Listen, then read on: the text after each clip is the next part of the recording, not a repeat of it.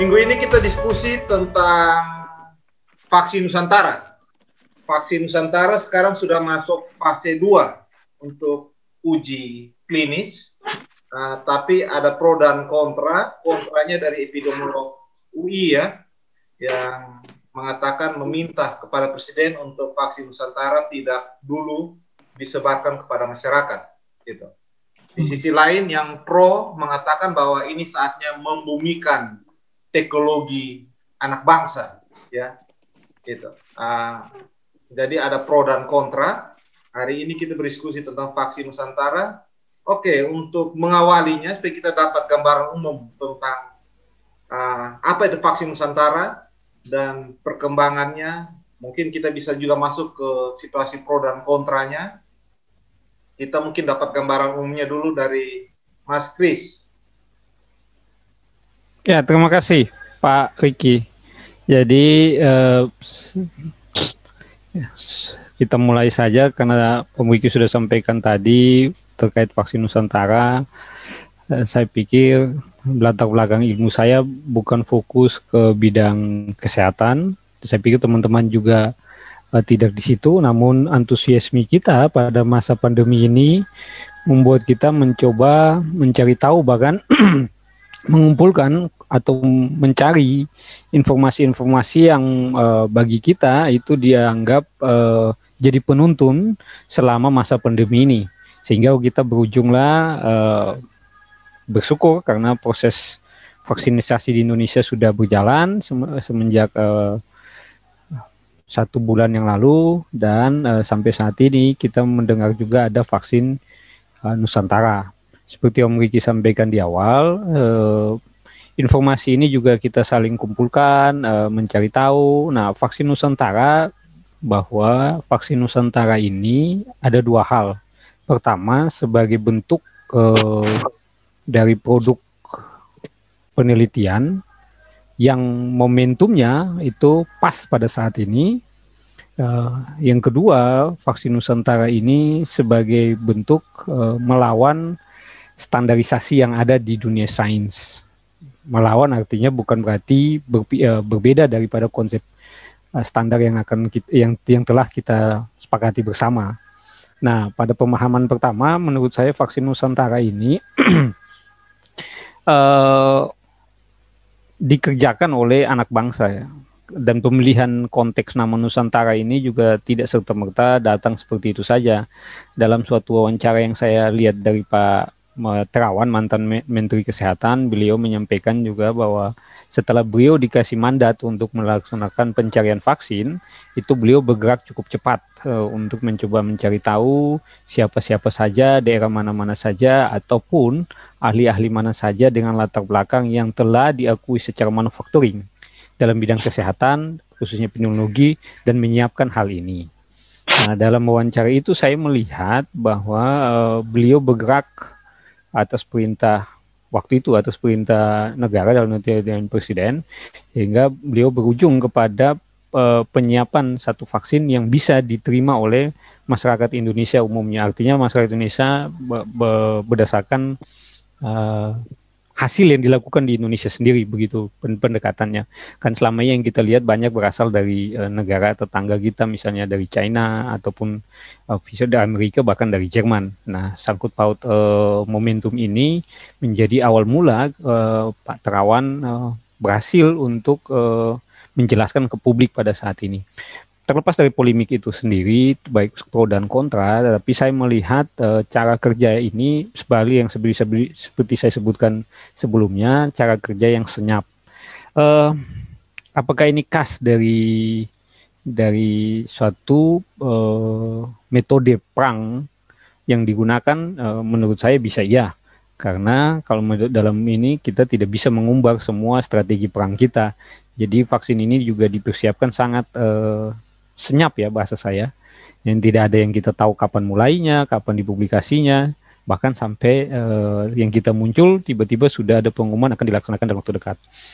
Dari sisi teknologi, saya melihat pendekatannya atau sisi metode pendekatannya itu saya jela, uh, apa, menangkap singkatnya vaksin ini lebih berkarakter kepada setiap masing-masing orang. Artinya kita uh, secara sederhana kalau boleh saya jelaskan kita menaruh darah kita di situ, kemudian itu dikembangkan dan vaksin, setelah itu kita ambil lagi dan kita disuntik suntik ke kita begitu. Jadi punya kita untuk kita begitu.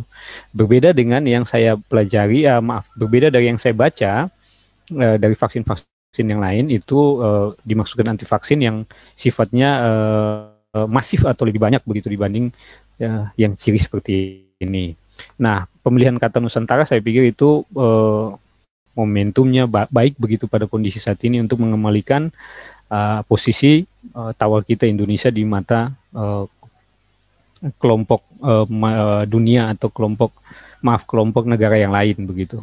Nah, seperti yang saya bicarakan di awal, tahapan-tahapan ini itu mulai dari tahapan eh, seperti yang saya sebutkan in dari menurut Center of Disease Control and Prevention atau CDC dari Amerika itu tahapan-tahapannya eh, sudah disebutkan baik tahap eksplorasi, praklinis, perkembangan uh, klinis, tinjauan peraturan dan persetujuan. Artinya ada tahapan-tahapan yang perlu dilalui oleh vaksin Nusantara sendiri sampai kepada uh, manufacturing atau publik apa uh, diproduksi secara massal dalam pabrik.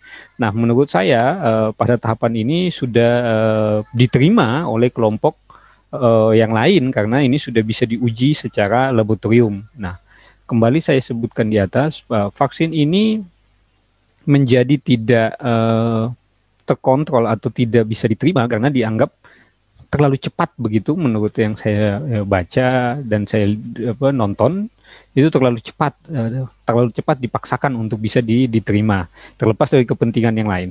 Nah dalam dunia sains uh, terutama dunia eksak maksud saya uh, proses penelitian proses peng, uh, pem, apa rekayasa, rekayasa sampai dalam aplikasi di lapangan itu tentu membutuhkan waktu yang tidak sedikit termasuk juga literatur yang kami baca, percobaan yang kami lakukan, seperti mungkin kita waktu masih sekolah dasar atau maaf SMP misalnya, itu kita sering dengar bahwa percobaan pembuatan lampu oleh Thomas Alva Edison itu justru lebih banyaknya gagal ketimbang berhasilnya.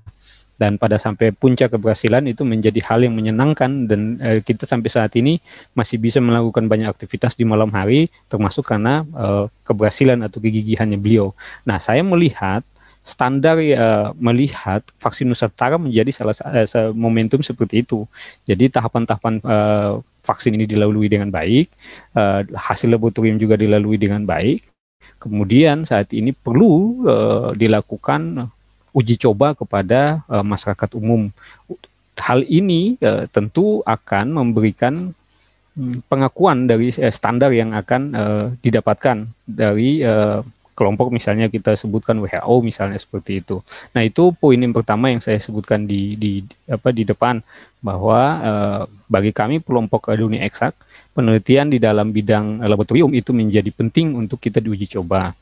Nah, eh, seperti yang saya sebutkan juga, ketiga hal-hal ini diabaikan, tentu akan memberikan banyak eh, eh, kekurangan termasuk uh, ketidakmampuan kita mengestimasi akibat yang ditimbulkan seperti misalnya uh, gempa di Mencene dan di uh, Memuju sebelumnya dengan yang saya coba bandingkan di Fukushima Jepang di rentan waktu yang tidak terlalu jauh sekitar tiga minggu ataupun dua minggu yang lalu yang terjadi. Nah itu menunjukkan ketiga proses gempa di uh, akibat proses gempa dari di Fukushima itu uh, cenderung uh, kualitas bangunan menjadi lebih baik karena yang terkena dampak itu sedikit saja begitu ketimbang yang terjadi di Mejene akibat uh, kepatuhan terhadap standar yang disepakati. Standar yang kita bangun berdasarkan uh, penelitian tentunya. Nah, uh, berbeda ketiga misalnya hmm, hal ini dipandang uh, jadi pertanyaan mendasar apakah standar ganda yang akan bisa dilakukan terhadap vaksin-vaksin versi WHO, versi ini dan sebagainya. Atau misalnya dari kacamata saya di dalam uh, ilmu kami itu ada namanya uh, ASTM atau American Standard untuk material atau juga ada standarisasi untuk uh, uh, bangunan laut misalnya begitu atau kalau mungkin kita pernah dengar di di Indonesia ada istilah Biro Klasifikasi Indonesia atau ada Badan yang mengkhususkan untuk mempelajari standar dan menerapkan supaya diikuti oleh semua kelompok pembuat kapal ataupun yang membuat kapal. Jadi ada ada standarisasi. Apabila standarisasi itu tidak kita laksanakan, maka tentu uh, akibatnya akan fatal bagi uh, keberlangsungan. Nah, dalam perubahannya, ketiga uh, gempa ataupun misalnya terjadi dalam konteks vaksin Nusantara, ada vaksin yang setelah disuntik itu tidak uh, memberikan hasil yang efektif, maka akan ada penelitian baru yang harus kita lakukan untuk uh, menuju kepada uh, ke apa menuju pada memperbaiki dari hasil penelitian sebelumnya ya, dan kemudian kita buat standar itu tahapan-tahapan dari uh, kalau cara kerja kami di dunia uh, di dunia dunia uh, eksak begitu di atau di dunia uh, sains yang yang lebih banyak terutama misalnya kami di bidang rekayasa engineering seperti itu. Nah, yang kedua saya masuk kedua untuk vaksin Nusantara yang seperti saya sebutkan di atas bahwa terjadi uh, pro dan kontra. Uh, menurut saya dalam nalar saya ketiga ini dilakukan uh, oleh Pak Terawan, maka ini menjadi kebebasan daripada kita untuk menentukan sebenarnya uh, kemampuan teknologi kami anak bangsa itu sudah uh, tidak ter, tidak diragukan lagi dalam satu survei. Kalau saya tidak keliru dari McKinsey konsultan uh, begitu dia melakukan survei ke negara-negara yang uh, mempunyai SDM itu diproyeksikan beberapa tahun lagi akan memenuhi uh, kapasitas uh, pengambil keputusan dan juga para CEO terbaik di dunia. Dan yang mencenangkan Indonesia itu masuk dalam 10 besar sebagai negara-negara yang berkontribusi dalam memberikan posisi-posisi uh, uh, orang Indonesia dalam uh, misalnya CEO perusahaan IT uh, di bidang uh, aerospace di bidang uh, uh, saya waktu itu tidak melihat di bidang medis, tetapi ada beberapa bidang yang menurut saya justru di Indonesia itu uh, kita belum uh, dalam pengamatan saya belum sampai kepada tahapan state of art dari semua itu, tapi justru uh, memberikan uh, dalam pandangan uh, dalam hasil uh, survei konsultan itu justru memberikan pandangan yang lebih berbeda begitu. Nah ini menunjukkan bahwa uh, kegigihan kita anak bangsa dalam hal teknologi itu tidak diragukan lagi. Yang dibutuhkan yang dibutuhkan saat ini adalah bagaimana sama-sama kita bisa menerima dan bersepakat, kemudian ada political will dari pemerintah untuk melaksanakan eksekusi ini. Nah, tanpa memandang memandang sebagai uh, uh, asas uh, produksi ekonomi ya menurut saya. Jadi uh, kita terbatas kepada momentum untuk membantu bangsa. Menurut saya itu memiliki intro saya singkat karena waktu kita juga uh, sudah jam 8 sehingga menurut saya dua hal itu bisa menjadi intro awal. Silakan teman-teman berpandangan dari sisi teman-teman, berkenalan dari sisi eh, teman-teman, tapi eh, dan bos bagi saya eh, vaksin Nusantara itu adalah dua hal itu memandang secara standar dan juga memandang bahwa eh, kemajuan teknologi kita anak bangsa sudah eh, maju untuk hal itu dan tidak sulit. Nah, sedikit tambahan menjawab Om Om Adi atau apa Pak Pendeta bertanya apakah itu uh, teknologi apa teknologi kenapa mau dibuat di Indonesia misalnya perlu kita sadari kita dalam beberapa diskusi sebelumnya kita masih pernah singgung tentang kualitas dan kehebatan uh, apa DNA dari bangsa Indonesia itu ya. Sehingga tidak keliru uh, kita di Indonesia itu bisa jadi satu mega laboratorium karena kita punya banyak DNA yang yang datang dari masing-masing daerah dan negara yang juga sudah bercampur bau di sini. Jadi itu ada kemungkinan seperti itu Madi. Itu menurut saya Om Iki, dua hal dan satu hal tambahan. Silakan kita memandang masing-masingnya. Oke, Om Kris. Tapi yang banyak dipersoalkan dengan vaksin Nusantara ini adalah dia sifatnya tidak massal. Gitu. Karena tadi ya, Om Kris sudah bilang dia sifatnya personal dan memang kalau kita baca telusuri mereka ambil dari cara kerja apa vaksin kanker ya yang dia sifatnya uh, sel individu yang diambil lalu dimasukkan antigen lalu dikasih masuk. Tadi Om Chris jelaskan dimasuk kembali ke tubuh manusia. Karena uh, belum ada yang mengenal uh, COVID-19 ini selnya seperti apa dan vaksin apa yang cocok gitu. Jadi akhirnya vaksin Nusantara dia ambil uh, personal gitu. Dan bukan hanya di Indonesia, karena di Amerika dan Cina pun sama. Mereka menggunakan teknik yang sama, yaitu uh, sel yang sifat personal ini. Nah, yang ditentang oleh para epidemiolog di Indonesia adalah tidak bersifat massal. Akhirnya kalau kita menggunakan vaksin Nusantara, maka dia kita akan banyak mengeluarkan biaya karena butuh teknologi. Yang kedua, dia bisa terkontaminasi pada saat proses penyimpanan ketika sel DNA manusia yang kena COVID ini diambil atau tiap manusia Indonesia diambil lalu dimasukkan antigen, proses ini, nah ini bisa terkontaminasi. Nah itu yang dikhawatirkan epidemiolog. Maka mereka katakan kenapa tidak kita tunggu saja hasil uh, vaksin yang sifatnya massal, yang terbiasa dikenal misalnya konvensional uh, virus yang dimatikan lalu disuntikan ke uh, manusia atau kayak yang kedua yang pakai engineering biotech itu ya RNA masukkan uh, apa virus uh, masukkan uh, satu sel yang bisa merekayasa uh, sel COVID sehingga hilang dari tubuh manusia. Tapi kenapa kita hanya menggunakan satu vaksin yang sifatnya personal ini? Bukankah masal eh, personal ini kan lebih banyak makan biaya ketimbang masal? Gitu. Menurut Om Kris bagaimana? Saya terima kasih Om Wiki. Saya tidak mau terjebak dalam teknik uh, uh, apa yang tadi Om jelaskan karena itu ketiga banyak orang yang akan lihat dan itu akan jadi perdebatan menurut saya. Dan saya tidak mau terjebak situ tetapi kalau kita manufaktur, manufaktur uh, engineer di dalam uh, uh, misalnya teori supply and apa supply chain misalnya begitu uh, ketiga atau tidak usah jauh-jauh ketika kita ke paman belanja di paman atau di pabrik justru buat lebih banyak itu harganya lebih murah daripada kita bikin uh, apa satu-satu uh, begitu. Jadi saya lebih sepakat kalau Miki bilang di awal ketika kita proses teknologinya itu pendekatannya satu-satu, maka itu justru lebih mahal ketimbang daripada yang masal bersifat masal itu.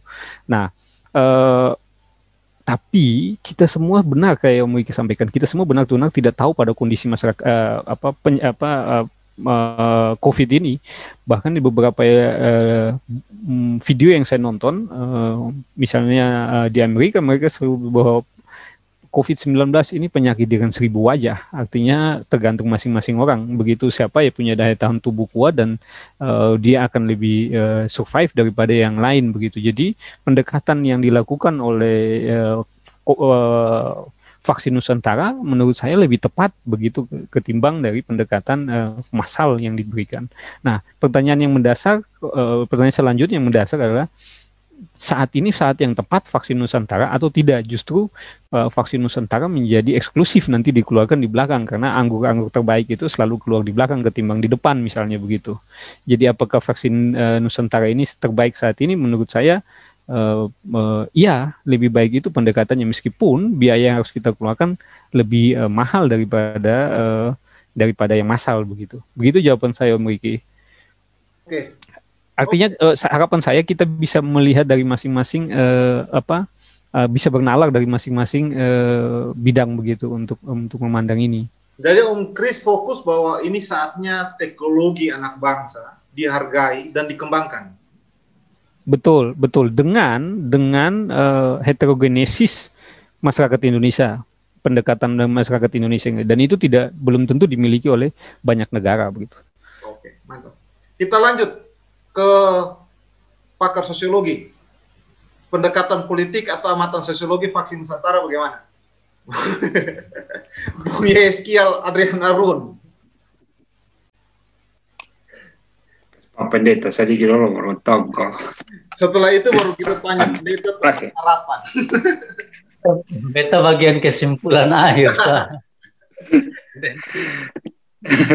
terkait minimal ini karena perdebatannya adalah terlalu lebih kepada alasan politis ketimbang kepada melihat ya. tadi Om Chris bilang ya pengembangan teknologi anak bangsa atau apa tapi lebih larinya ke politis. Bahkan perdebatan-perdebatan di media sosial tuh banyak yang larinya ke ya uh, ada tanda kutip ya mungkin tidak senang dengan terawan atau tidak percaya dengan kinerja terawan dan lain-lain Jadi lebih larinya ke politik ketimbang uh, teknologi itu. Menurut Ya, ya. pakar sosiolog bagaimana? Woi, jangan begitu kawan. iya, karena kalau saya juga terus terang ini kan mulai isu ini mulai satu dua minggu terakhir kan. Jadi dia muncul itu saya juga baru dengar vaksin Nusantara itu yang kemarin Bosem sampaikan itu. Ini hampir kayaknya satu dua minggu terakhir nih sen buka Facebook, sen buka media sosial lah gitu, sen sempat sempat lagi. Jadi beta juga kaget, oh ada vaksin lagi baru lagi nih. Oke, lalu ya buku-buku sedikit lah. Tapi yang saya baca memang kalau pertanyaan Ricky itu memang tepat, apalagi kita diskusi di sini. Menurut saya setelah saya baca uh, ini kan sebenarnya reaksi. Um, kalau boleh saya kategorikan ini ada kontestasi antara vaksin Nusantara dan vaksin merah putih sebenarnya. Uh, karena karena begitu saya baca argumentasi-argumentasi yang disampaikan itu uh, tidak ada argumentasi yang ya saya tidak tahu sih, tapi bacaan saya secara umum tidak ada argumentasi yang cukup substantif. Misalnya um, mereka menyebut bahwa uh, vaksin apa tuh Nusantara itu vaksin yang sifatnya personal. Ya kalau dia punya bukti, dia punya khasiat apa yang di, apa yang salah. Bahkan ada beberapa beberapa pernyataan yang menjelaskan bahwa vaksin itu terlalu kompleks. Ya kalau kompleks masalah itu di apa gitu, tidak ada masalah. Lalu uh, ada yang menyebut sebagai vaksin ini belum uji klinis. Um, itu alasan-alasan yang menurut saya ya bisa dipakai alasan, tapi bukan menjadi sesuatu yang sangat substansial untuk ditolak. Uh, dan pernyataan itu menjadi kuat ketika kita membaca uh, misalnya epidemiologi UI itu siapa Pandurian Riono kan dia menjelaskan bahwa bahkan dengan UI dengan ID sendiri keluar pernyataan bahwa um, vaksin ini membuat apa itu tingkat kepercayaan masyarakat terhadap uh, vaksin menjadi rendah karena mereka lagi berusaha mem membranding vaksin merah putih. Jadi vaksin ini malah dituduh sebagai vaksin yang membuat uh, orang Indonesia semakin tidak percaya terhadap vaksin. Jadi argumentasi-argumentasi itu menurut saya setelah saya baca sepintas saya merasa bahwa oh sebenarnya ini ada perebutan ya kasarnya uh, politik kesehatan dari dua lembaga yang lagi bertarung entahlah saya tidak tahu merah putih ini dari mana tapi kalau vaksin Nusantara kira-kira dulu kan sebenarnya namanya Joglo Semar ya. Vaksin Joglo Semar lalu di apa branding jadi uh, vaksin Nusantara supaya dia sejajar dengan merah putih. Kalau Joglo Semar ya namanya tidak terlalu mengindonesia karena itu secara branding dia harus ditempatkan setara juga dengan uh, konsep uh, merah putih. Jadi ya harus cari yang setara. Kalau dia dia joglo semar, saya kira dari segi branding pun dia kalah. Nah karena itu menurut saya harus ditempatkan ya terlepas dari perdebatan teknis uh, apa pengguna uh, teknis kita tidak masuk, tetapi saya lebih menempatkan dia pada sebuah uh, ya semacam pertarungan kontestasi ya dalam bahasa sosiologi dari antara vaksin merah putih dan vaksin Nusantara. Nah, menarik karena kalau saya agak taat asas, om saya sampaikan itu. Jadi bagian pertama kita coba lihat dia dari agak sedikit lebih teoritis. Menurut saya uh, Iya kan, saya baca ini lalu saya ingat seorang tokoh namanya Michel Foucault. Dia nulis tentang power and knowledge.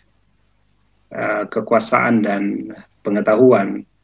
Jadi narasi-narasi atau wacana tentang vaksin itu dia selalu dibentuk dari dua kombinasi antara pengetahuan dan kekuasaan.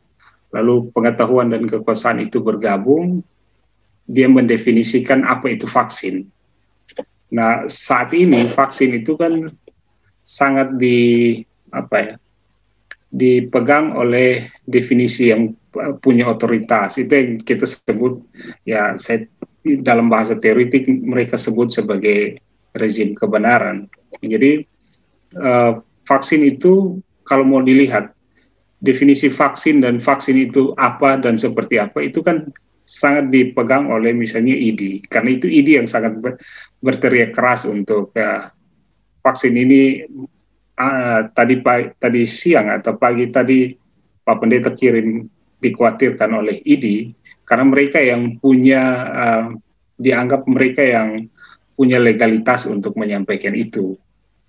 Dan menurut saya uh, karena itu mereka mulai sampaikan bahwa uh, dia tidak ilmiah, dia uh, tidak uji klinis, dia tidak apa ada beberapa catatan itu um, dia tidak ada report ke WHO dan sebagainya. Dan menurut saya di situlah titik di mana mereka mencoba untuk mendefinisikan uh, vaksin menurut bahasa mereka. Padahal kalau kita belajar tentang Foucault, Foucault menjelaskan bahwa yang Anda jelaskan tentang misalnya vaksin itu, itu Anda telah mengkotakkan definisi Anda sendiri dan semua harus ikut dengan uh, definisi dia. Misalnya definisi yang dibuat oleh ID terhadap vaksin itu, dia harus hanya di situ. Jadi vaksin itu harus ada, misalnya harus ada report ke WHO, harus ada uh, uji klinis dan sebagainya. Nah di luar itu dia tidak mau dianggap sebagai sesuatu yang diakui. Nah kerja dari uh, apa vaksin Nusantara ini kan dia keluar dari situ. Jadi kalau secara teoritik orang bilang ya Anda boleh bebas, tapi bebas di dalam box yang sudah ditetapkan. Sementara vaksin uh, vaksin Nusantara ini kan dia tidak bermain di dalam box itu, dia keluar dari box itu lalu dia bermain sendiri dan karena itu dia menjadi sesuatu yang apa ya uh, aneh gitu, sekalipun benar. Nah ini ini ini yang disebut dengan kontestasi. Ada sesuatu yang benar-benar dianggap uh, sah, sah, tetapi ada satu yang dia gerak-gerak kecil tapi dianggap benar dan dia ber, lagi berusaha untuk menghancurkan yang ini maksudkan. Dan menurut saya ini dia akan panjang. Dia uh, dia akan terus seperti ini dan uh, apa yang salah itu vaksin Nusantara atau vaksin uh, merah putih saya kira tidak ada yang salah. Ini hanya karena kekuasaan lagi dipegang oleh vaksin merah putih sehingga terkesan bahwa vaksin Nusantara itu tidak mendapat tempat. Jadi dia tidak lagi berbicara tentang benar atau salah, tapi dia lagi berbicara tentang siapa yang punya kekuasaan dan karena itu dengan dengan kekuasaan itulah dia mendefinisikan pengetahuan yang benar dan salah. Jadi uh, dalam konteks ini menurut saya uh, kalau kita memperdebatkan sesuatu yang apakah ini ilmiah, apakah ini benar atau tidak, uh, saya tidak masuk di situ. Saya lebih suka membicarakan apakah siapa yang lebih berkuasa dan karena itu dia lagi yang benar dan sampai pada tingkat itu kita boleh menjadi sadar bahwa oh ini bukan persoalan benar atau tidak secara ilmiah, tapi ini persoalan uh, depolitik itu yang sifatnya agak politis untuk perdebatan apa ya perebutan kekuasaan untuk menyatakan siapa yang paling benar. Beta kira sebentar beta begitu dulu. Terima kasih Ricky. Berarti Om dengan bahasa sederhana Om ingin katakan bahwa uh, isu vaksin Nusantara antara pro dan kontra ini sebenarnya adalah uh, kompetisi untuk men mencari otoritas kebenaran dan otoritas itu bukan oleh pemegang kekuasaan presiden karena uh, Jokowi juga izinkan bahwa vaksin Nusantara dilanjutkan pada uji klinis kedua dan BP lagi melakukan pengujian terhadap uh, hasil uji klinis satu.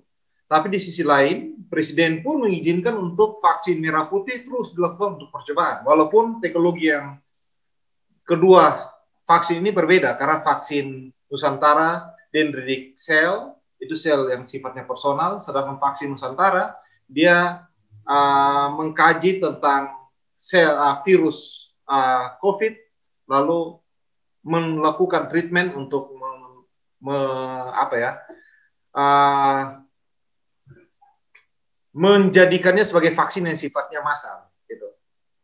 Uh, pemegang otoritas presiden mengizinkan dua karena uh, Nusan Merah Putih itu BIN bekerjasama dengan Edsman dan Airlangga, sedangkan Nusantara uh, Terawan bekerjasama dengan salah satu biomedik dari Amerika dan Karyadi. Gitu.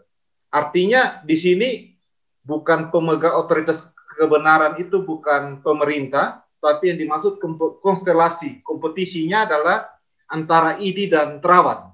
Begitu. Untuk mengejar otoritas kebenaran. Iya, kira-kira kalau menurut saya begitu sudah. Jadi satu pertarungan antara saya kalau kategorikan itu sebenarnya ya ID di satu kelompok ada lembaga-lembaga seperti ID, saya baca UI juga ada, Edgeman juga ada, lalu di kelompok sebelah itu kan ada uh, rumah sakit Semarang apa ya? Karyadi, Karyadi. Rumah sakit Karyadi, lalu Undip, ada UNS, ada UGM. Ya. Jadi ada di satu. Jadi ya kalau posisi dua itu kira-kira mereka tidak ada dalam satu tempat yang sama. Jadi mereka lagi berkompetisi. Saya kira uh, kalau dibicara tentang uh, kebaikan semu-semu dua-dua sama baik. Tapi lalu ini kan sebenarnya ya kembali lagi ini soal kekuasaan dong. Kalau kemudian dia tidak didapatkan, misalnya uh, cerita kasarnya uh, vaksin merah putih ini lagi jalan-jalan sudah hampir di tengah, sudah mau finish, baru ada satu datang lalu seakan-akan dalam tanda kutip dia akan jadi juara, bahkan kalau ikut bahasanya tadi Om Kris kirim itu Dahlan Iksan itu kan dia ambil tikungan belok dia lewat berapa tikungan memang langsung dia hampir-hampir menang. Sehingga ya karena itu, karena itu begitu dia hampir menang kalau saya baca di berita itu argumentasinya tidak ada yang cukup substantif. Ini kan hanya mau mengrong-rong uh, vaksin Nusantara untuk dia tidak dipercaya. Padahal sebenarnya dia sangat uh, kalau saya baca secara sepintas orang awam ya dia cukup dipercaya juga. Uh, dan karena itu ya ini hanya soal perebutan kekuasaan saja. Bayangkan saja kalau itu dikeluar didapatkan oleh uh, vaksin Nusantara apa kerjanya ID itu kan repot juga tuh. Dan uh, kita tahu bahwa bisnis vaksin itu kan luar biasa itu. Satu Indonesia kalau kita dapat hanya pulau Jawa Tengah saja provinsi Jawa Tengah saja. Saya kira rupiahnya cukup besar apalagi satu Indonesia. Dan uh, ya motif itu tidak bisa dihilangkan. Karena itu uh, ya tidak secara naif orang mengatakan bahwa uang itu penting. Tetapi uh, motif itu saya kira ada di belakang nalar yang sedang mereka perdebatkan seakan-akan lagi ilmiah atau apa pun itu tapi saya yakin bahwa ya satu motif kekuasaan dan ujung-ujungnya soal duit. Oke, mantap. Om Eci punya analisis. Hanya Om Eci tidak tuntas siapa ya. Oke, lanjut. Uh, Pak Pendeta, uh, menarik karena yang vaksin Nusantara ini dikembangkan atau inoso, ya, apa uh, diinisiasi awal oleh Terawan. Terawan itu waktu dia jadi menteri, minoritas yang jadi menteri, lalu sempat menggejolak di Kementerian Kesehatan karena beberapa apa uh, dirjen uh, dia pecat, lalu terjadi pembangkangan terhadap dia, lalu ada yang menuduh Terawan tidak bisa kerja dan lain-lain Dan betul, Terawan pas setelah jadi menteri lalu dia muncul di media dengan vaksin Nusantara. Jadi ada yang mengatakan bahwa ada juga bahwa Nusantara ini dibentuk oleh Terawan yang seorang dokter yang selama ini cara penanganannya lebih mengandalkan psikoterapi dalam pengobatan orang kanker stadium ya. Berapa neg apa negarawan dari luar datang ke Indonesia lalu dipercaya oleh SBY ke tangannya Terawan. Tapi waktu dia jadi Menteri Kesehatan, umurnya sangat pendek. Lalu Nusantara muncul, lalu rekan-rekan di ID itu mengatakan bahwa jangan percaya vaksinnya relawan, eh Terawan atau vaksin Nusantara. Jadi memang kacamatanya Om Ici tadi sangat politis, ya, sangat politis. Itu. Menurut Pak Pendeta bagaimana tanggapannya? Ya, uh, terima kasih Om Riki. Yang pertama memang uh, saya mulai dulu dari apa? Secara teologi saya kira uh, saya meyakini bahwa ketika orang bergumul dengan vaksin dan kemudian uh, selama pandemi kita bergumul dan begitu ada vaksin, uh, saya meyakini bahwa vaksin itu adalah bagian dari uh, intervensi Tuhan, berkat Tuhan melalui teknologi medis dan lebih bersyukur lagi bahwa Tuhan tidak hanya berintervensi di Amerika, di Cina, tapi juga Tuhan e, melakukan karya di Indonesia.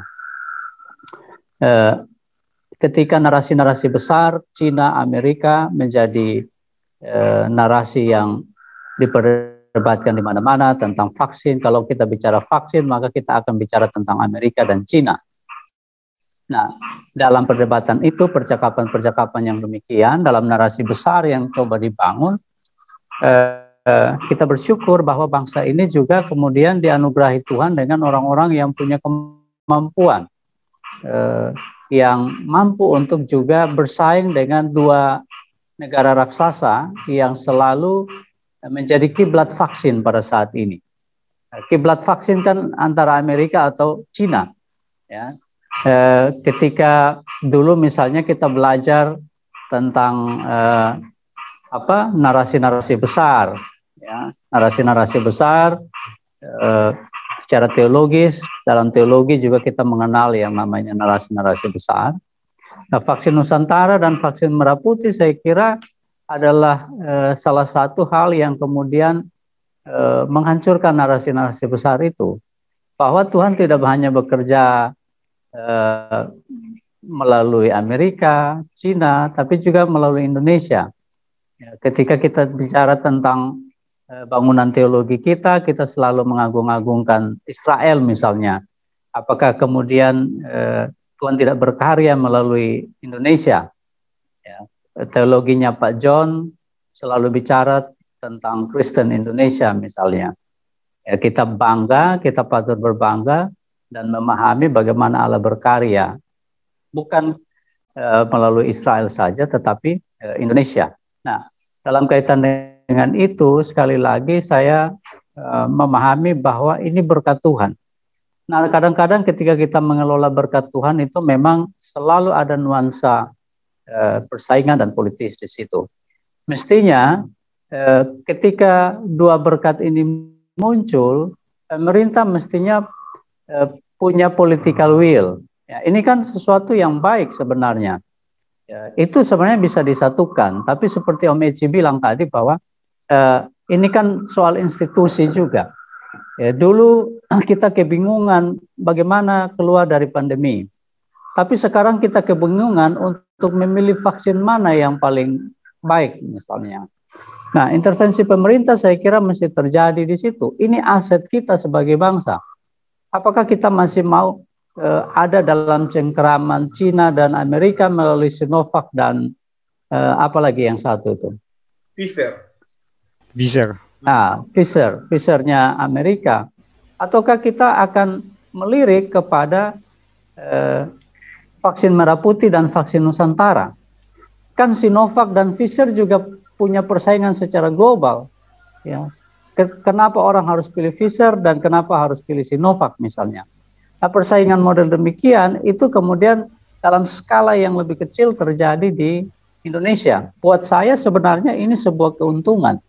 Bagi masyarakat, oke okay, di satu sisi mungkin seperti Om Riki bilang, uh, menurunkan tingkat kepercayaan, tetapi kalau kita hitung-hitungan uh, apa namanya secara ekonomis, orang bilang uh, supply and demand itu kan sangat berpengaruh. Ya. Kalau semakin banyak, maka tentu akan berpengaruh pada price. Nah, uh, saya kira memang kalau bicara tentang uh, kondisi yang terjadi sekarang, kalau kita lihat memang soal analisa relasi, ya, ya memang dari awal si terawan kan memang menjadi musuh banyak orang, apalagi ID. Ya, itu konfliknya sampai sekarang itu juga belum selesai. Ya, ketika terawan sudah selesai jadi menteri, banyak juga yang kemudian uh, bilang bahwa terawan ini orang yang sangat otoriter dan lain-lain. Ada beberapa kasus itu dipakai untuk balas dendam karena dulu Terawan pernah dijatuhi apa eh, apa namanya kode etik ya kode etik dari ID dan itu eh, permusuhan yang tidak pernah selesai. Ya ketika Terawan menjadi menteri orang merasa bahwa ada balas dendam termasuk eh, saya ingat rektor mana begitu. Saya lupa beritanya ada menyangkut dengan itu juga. Ya ada kaitannya dengan hal itu. Lalu dianggap seolah-olah terawan eh, balas dendam. Dan sekarang ketika terawan terjungkal eh, itu kembali lagi. Ya ID dan terawan itu dua hal yang orang bilang seperti Tom and Jerry ya. dan itu memang sulit untuk disatukan hanya kalau kemudian pemerintah dalam hal ini Pak Presiden mengelola ini menjadi sesuatu yang uh, menjadi berkat sebenarnya. Tapi kalau dibiarkan begitu saja, mungkin ini persaingannya akan menjadi uh, apa kontraproduktif dengan usaha yang kita lakukan sekarang. Jadi uh, sekali lagi bahwa uh, sebenarnya ini kekayaan, tinggal bagaimana ini dikelola dengan baik. Ini kan dua identitas secara akademik antara apa Undip ya. Undip dan tadi Om Eci bilang yang merah putih mana? Uner. Uner Erlangga. ya. Erlangga sama Undip. Ini kan Bin. ada persaingan. Oh ya Bin dan eh, TNI Angkatan Darat TNI Angkatan Darat mungkin ya nah, ini kan dua persaingan identitas yang eh, juga terjadi di situ. Tapi di sisi lain sebenarnya saya justru melihat begini. Jangan-jangan konflik antara merah putih dan e, Nusantara ini memang sesuatu yang didesain oleh para mafia vaksin Pfizer dan Sinovac. Ya. Lalu kemudian ketika kita ribut, mereka juga galau sebenarnya kalau kemudian e, kita sudah punya vaksin nasional kuota untuk ekspor vaksin itu pasti akan berkurang. Ya. Sekarang kan orang kejar-kejar vaksin sekarang. Nah, kalau kemudian kita sudah punya jatah di dalam negeri, maka kuota impornya pasti akan berkurang. Halo? Ya, ya, masih dengar, Om. Ya. Silakan. Kuota impornya pasti akan berkurang. Om, Sehingga, maaf. Oh ya, silakan. Bisa kedengaran Om Kris? Bisa, tapi uh, gambarnya yang miring tadi. Iya, sepertinya gangguan sinyal. Iya. Justru yang lebih berbahaya menurut saya adalah ini dimanfaatkan oleh para mafia vaksin, ya, importir-importir vaksin, ya, yang kemudian merasa terganggu usahanya dengan kehadiran vaksin merah putih dan vaksin Nusantara. Tapi bagi saya sekali lagi secara teologi saya meyakini bahwa ini berkat Tuhan. Nah, tinggal bagaimana ke pemerintah punya political will untuk mengelola berkat itu dengan baik. Ya, apakah kita masih mau lihat yang luar yang lebih baik, ataukah kita mulai memberi kepercayaan terhadap apa yang dilakukan di dalam? Karena terawan sendiri memang selalu dianggap nyeleneh dalam berbagai eh, hal yang dia lakukan. Ketika apa brainwash yang dilakukan misalnya, tapi banyak eh, apa kesaksian yang bilang bahwa apa yang dilakukan oleh terawan itu baik walaupun memang di luar SOP ID. Nah, kalau terawan kan sudah berhasil membuktikan sebenarnya bahwa eh, SOP itu bukan ukuran.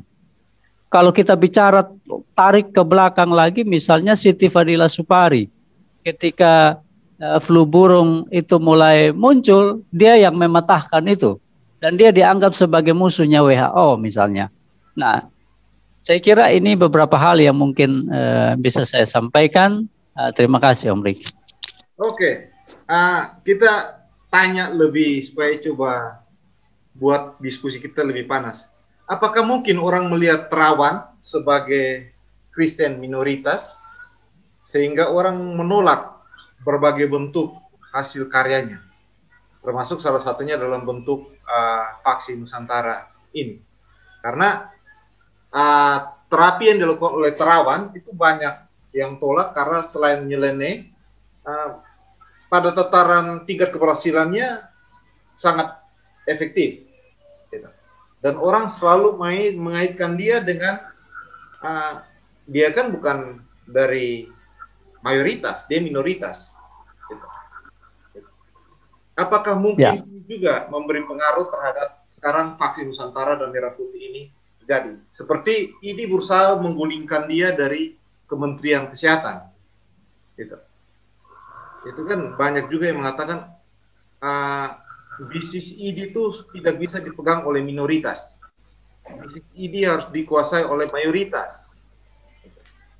Nah, bisa enggak ini juga dikaitkan dengan pertarungan antara Nusantara dengan merah putih walaupun ini bukan head to head Nusantara dan merah putih ya karena sebenarnya head to headnya itu adalah ID dan Terawan yang tadi Pak Pendeta sudah katakan bahwa sudah sejak dulu ID lalu menjadi uh, oposannya Terawannya gitu. gimana? Ini supaya coba agak kasih panas. Ya, ya saya izin izin masuk saja. Ya. Gimana? Ya menurut saya terlalu jauh kalau kita lihat sampai ke situ. Artinya kenapa menurut saya terlalu jauh? Sederhana saja. Jualan obat ini kan paling gampang, apalagi kalau kita sakit. Semua obat kita jual begitu. Apotek ada di mana-mana. Hmm, mari kita lihat obat mah saja itu tampilannya cukup banyak. Justru kita dikasih banyak pilihan, mau pilih yang mana kan begitu. Nah, kembali lagi saya bilang di awal ini masalah standar ke apa benalar dalam bersta, eh, eh, standarisasi nalar kan begitu atau dari produk dari dari vaksin ini. Kita lihat yang dipermasalahkan atau yang dipermasalahkan eh, uh, oleh profesor ahli saraf di UNER itu waktu uh, brainwash itu adalah metode yang digunakan uh, Pak Terawan itu bukan metode untuk menyelesaikan permasalahan otak begitu. Metode yang digunakan pendekatan metode lain untuk menyelesaikan main. Nah, tapi hasilnya memang membuktikan bahwa proses penyumbatan di otak itu berhasil dengan cara itu intervensinya. Tetapi apakah itu dilakukan dengan eh, secara apa eh, standarnya diakui dan penelitian itu belum belum belum bukan masuk ke situ begitu. Jadi ya pedasnya sama tapi pedas merica sama pedas uh, cabai kan berbeda begitu kita yang sudah biasa makan cabai tahu bahwa pedas cabai begini, pedas merica begini. Tapi memang pendekatannya sama-sama tujuannya pedas begitu. Jadi menurut saya tidak ada sang, uh, tidak tersangkut dengan masalah minoritas atau mayoritas. Nah, kalau mas, vaksin Nusantara dengan uh, merah putih ini pertarungan juga sudah uh, saya setuju dengan Om Ici punya ini masalah kekuasaan. Tapi kembali lagi saya bilang di depan uh, setiap teknologi dalam kerja sistem kami itu tentu harus punya tahapan-tahapan yang kita lalui. Doanya tadi Pak Pendeta sampaikan bahwa itu berkat. Kami bersyukur karena teknologi uh, banyak yang kadang memandang bahwa teknologi itu menjadi sesuatu ketakutan, justru menjadi uh, sesuatu yang dianggap uh, menakutkan bagi dunia. Justru sekarang ini beritanya cukup bagus karena Pak Pendeta memberkati teknologi dalam bentuk pendekatan medis ini. Berarti itu jadi berkat dari uh, pencipta menurut saya begitunya pendekatan-pendekatan yang tidak dilakukan berdasarkan standar yang kita sepakati kita anggap itu tidak terstandar. Dan tidak terstandar maka tidak layak digunakan. Hanya sampai di situ. Jadi tidak ada masuk dalam minoritas mayoritas begitu jawaban saya. jadi ya, ya?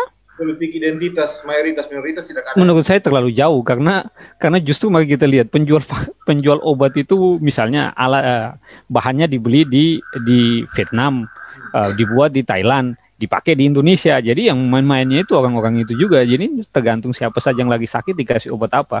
Kita punya lihat obat batuk ada OBH, ada obat eh, coach, ada obat lain, ada jadi cukup banyak pilihan menurut saya. Jadi hmm. tidak ada terlalu jauh kalau kemudian kita masuk ke situ. Itu menurut saya mungkin.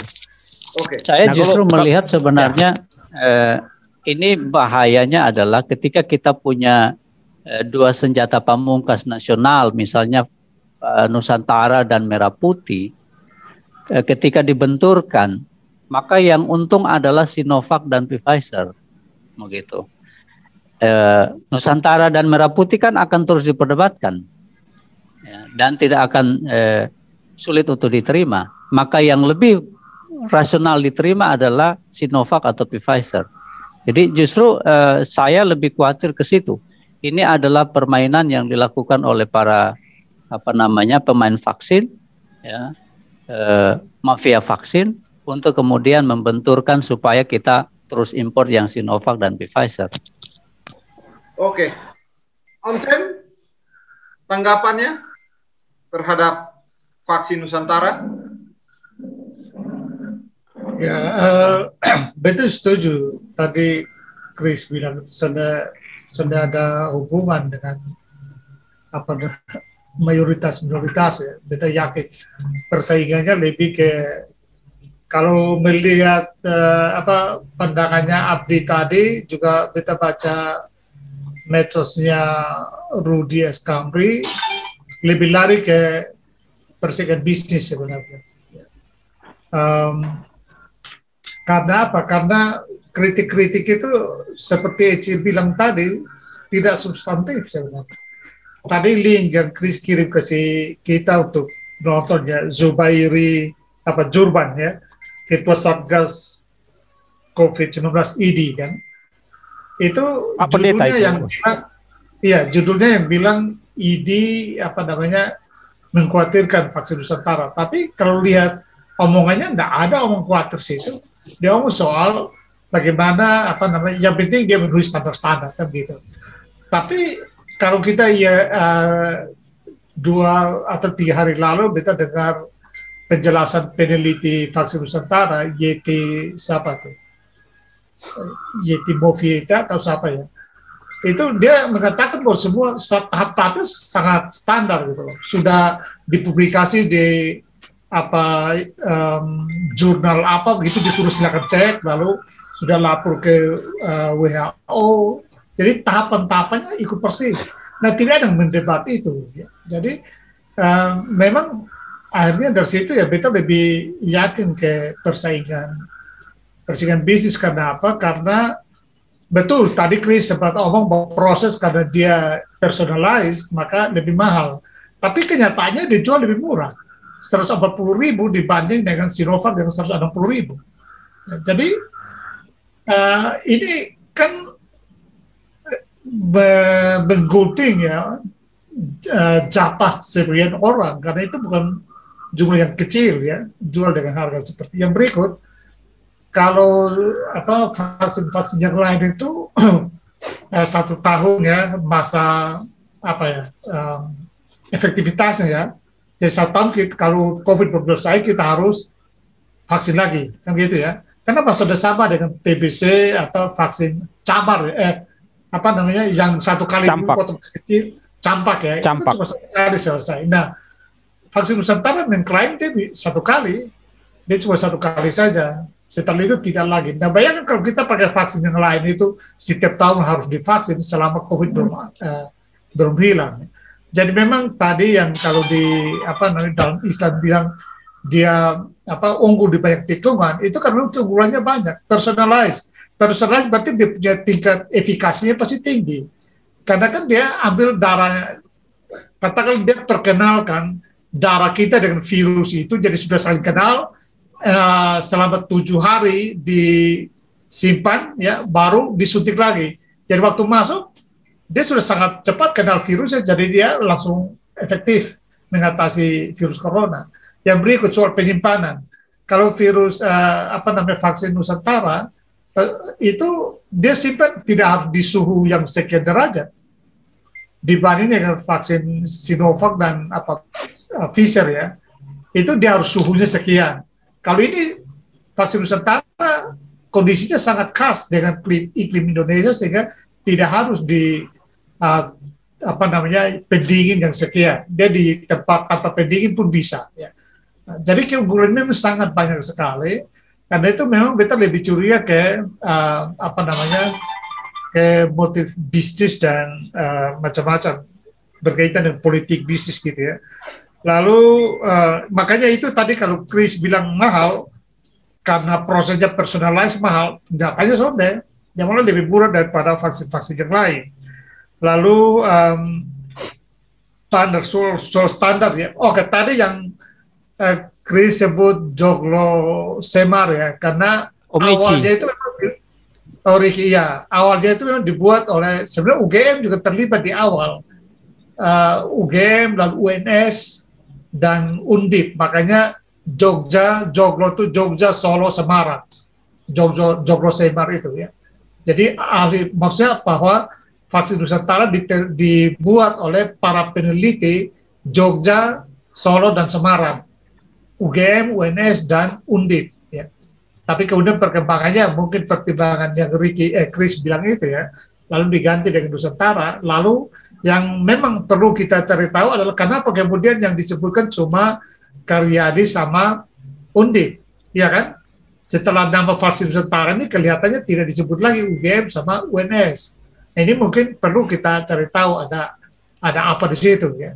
Nah, yang berikut ini kita bicara soal artinya begini sepanjang kritik-kritik yang kita lihat beta sepakat di EC tadi tidak ada substantif tidak ada kritik yang substantif semua yang dikhawatirkan misalnya soal tahapan-tahapannya soal publikasi di jurnalnya sudah dijawab oleh para peneliti vaksin Nusantara yang berikut yang BT ingin tekankan, tidak ada persaingan antara vaksin Nusantara dan vaksin merah putih. Karena kita baca vaksin merah putih itu dia bukan buat vaksin, tetapi dia meneliti sejumlah vaksin. Gitu. Jadi bukan buat vaksin. Karena ini dua hal yang berbeda. Sehingga tidak ada alasan untuk dua-dua bersaing. Dua-dua bisa bekerja uh, saling melengkapi. Jadi, uh, karena tadi siang baru kita baca itu vaksin Nusantara yang dibuat oleh Xman itu dia meneliti berbagai vaksin untuk mungkin mencari kombinasi atau apa ya. Dia buatnya seperti dia bukan buat dari nol, titik nol. Nah, beda dengan uh, vaksin Nusantara. Jadi dari kalau kita baca dan dengar-dengar di YouTube uh, penjelasan para ahli, memang vaksin Nusantara memiliki banyak sekali keunggulan. Mulai dari tingkat efikasinya, lalu tingkat apa namanya harganya, lalu uh, penyimpanannya, ya. dan yang berikut tentu beta bicara sebagai warga negara Indonesia yang memang nasionalisme tinggi yang menunjukkan uh, apa namanya kita muncul sebagai salah satu kekuatan dunia ya, uh, sehingga kalau ini memang yang pertama di dunia ini luar biasa. Uh, karena apa namanya sistem dendri apa yang untuk personalisasi itu itu kan sudah dibuat tapi untuk kanker dendri. ya kan sementara untuk COVID-19 belum karena itu Indonesia uh, yang melakukan itu lewat terawang dan kalau kita baca di dalam iskan tadi uh, dia bilang bahwa uh, alat-alatnya juga alat-alat buatan Indonesia ya itulah sebabnya mengapa dia disebut uh, vaksin Nusantara. Memang beta baca juga kritik-kritik terhadap uh, tulisannya si Sapat dan Dahlan Iskan tadi yang banyak yang uh, bilang bahwa uh, ada yang tidak apa namanya tidak akurat. Informasi yang digunakan oleh Dahlan tidak akurat ya. Tapi sebagian besar mendukung vaksin Nusantara. Jadi dari berbagai sisi beta dukung vaksin Nusantara sebelumnya waktu kami di UKSW diskusi dengan Bu Herawati Sudibyo dari Hman, ya beta sendiri sudah ngomong bahwa beta dukung vaksin merah putih ya, dan beta dukung Bu Herawati untuk kembangkan vaksin merah putih itu ya. Jadi uh, sekali lagi tidak ada pertentangan atau persaingan antara vaksin merah putih dan vaksin Nusantara. Dua-dua uh, produknya berbeda, ya, uh, sehingga tidak ada alasan untuk bersaing. Beta lebih curiga kuat ke politik dan ekonominya, tetapi bagaimanapun juga ya beta sepakat dengan uh, Bosong ya beta dukung vaksin Nusantara maupun vaksin merah putih dan beta lihat untuk sementara karena belum punya informasi yang beta dapat lebih banyak tentang vaksin Nusantara maka ya beta lebih berat ke vaksin Nusantara ya nah, vaksin merah putih bukan karena ini tapi karena belum tahu banyak ya. walaupun pernyataan beta pertama itu ke Ibu Herawati kita dukung vaksin uh, merah putih. Ya, terima kasih. Artinya kalau dalam game teori apa yang Diomadi sampaikan itu baik dari uh, untuk apa dari China atau dari US atau Amerika itu betul Om. Uh, ada peluang terhadap itu. Tapi menurut saya persentasenya kecil. Kenapa uh, argumentasi saya seperti itu? Mari kita lihat anak-anak Indonesia yang dikasih kuliah beasiswa oleh LPDP itu menurut informasi ya, hampir semua itu ambil mau ambil S2 yang yang di Inggris atau di Eropa yang pingin cepat pulang ketimbang mereka ambil di Amerika. Artinya apa? Dulu kalau teman-teman yang sekolah di luar apa ambil S3, S2, mereka cenderung untuk tidak mau pulang karena di sana fasilitas laboratoriumnya lebih bagus dan sebagainya. Saat ini terbalik, hampir semua anak-anak Indonesia itu justru homesick mereka lebih ingin pulang untuk bekerja di Indonesia. Memang ada beberapa, tidak banyak. Tetapi hasil itu menunjukkan bahwa kemampuan teknologi kita sudah jauh bagus. Saya justru mendorong dalam beberapa diskusi kita sejauhnya bahwa baik itu bisnis EBT, bisnis ini, justru kita bayangkan sama-sama. Kalau laboratorium kita kuat, maka vaksin ini dikembangkan setiap provinsi. Apa yang salah dengan dikembangkan oleh setiap provinsi? Teknologi kita sudah bisa. Buktinya kita mampu untuk terobos itu. Dulu kita bicara 10 tahun lagi, UNGM, UITS, atau kampus-kampus negeri, kita hanya bisa lakukan seminar. Paling banyak kita seminar. Bahkan ketika saya ketemu dengan beberapa profesor, mereka bilang seminar lagi, seminar lagi. Yang lain sudah berangkat ke bulan, kita hanya bisa tumpuk-tumpuk kertas untuk bisa naik di atas kertas itu untuk sampai ke bulan. Kapan kita ciptakan teknologinya? Dan bukti sekarang rame-rame kita sudah ciptakan itu. Yang menjadi ketakutan saya adalah ini bukan teknologi yang tinggi. Negara kita sudah punya kemampuan untuk menciptakan itu. Jadi uh, kemampuan dari China dan Amerika, mereka punya kemampuan marketing yang cukup bagus. Dan itu berbeda dengan kita di Indonesia. Karena begini, dalam pengalaman saya, ketika kita berinteraksi, misalnya di Batam dan sebagainya, justru kita kelompok-kelompok teman-teman Indonesia itu ketika untuk maju tampil itu malu-malu kucing begitu justru teman-teman eh, maaf misalnya teman-teman dari negara lain itu justru mereka tidak tahu dapurnya tapi mereka sangat maju dan percaya diri mengatakan kami akan lakukan ini kami akan lakukan ini dan sebagainya. Padahal pada dasarnya mereka juga tidak terlalu tahu banyak tapi mereka bisa mengatakan itu. Dan itu ke kemudian eh, saya sangat yakin kalau eh, peristiwa ini terjadi 30 tahun lagi taruhan saya bahwa yang kembangkan vaksin itu bukan hanya kampus-kampus Jawa. Bahkan kalau bisa sudah setingkat uh, apa setingkat provinsi di Indonesia. Karena teknologi kita sudah berubah dan sudah capai. Hampir semua lini teknologi Indonesia sudah terpenuhi. Uh, aerospace kita juga sudah. Uh, jadi teknologi di dunia yang punya uh, uh, kemampuan uh, dua teknologi yang uh, di dunia yang tingkat kesulitannya tinggi dengan menggunakan teknologi tinggi itu aerospace dan uh, offshore engineering atau teknik uh, kelautan dan Indonesia sudah punya dua-dua hal itu. Jadi sudah tidak tidak diragukan. Kebetulan sa orang Kupang bilang KB sa. KB ada Sinovac dan Pfizer. Tapi bukan berarti itu jadi kotong start terlambat. Tapi hanya KB tulan sa. Sinovac dan uh, apa Pfizer. Itu om. Jadi secara game teori ya. itu memungkinkan tetapi tidak menjadi dominan tidak menjadi dominan uh, ketakutan. Begitu om. Ya eh, memang betul ya om Chris bilang eh, Beta coba sharing saja. Kemarin ketika potong rapat berkala dengan para pendeta misalnya, beta cerita bagaimana proses vaksin sampai tahap 2. Lalu kotong cerita juga sampai pada uh, vaksin Nusantara dan keunggulannya. Semua pendeta yang belum divaksin dong bilang begini. Eh kalau begitu potong tunggu yang Nusantara. Sah.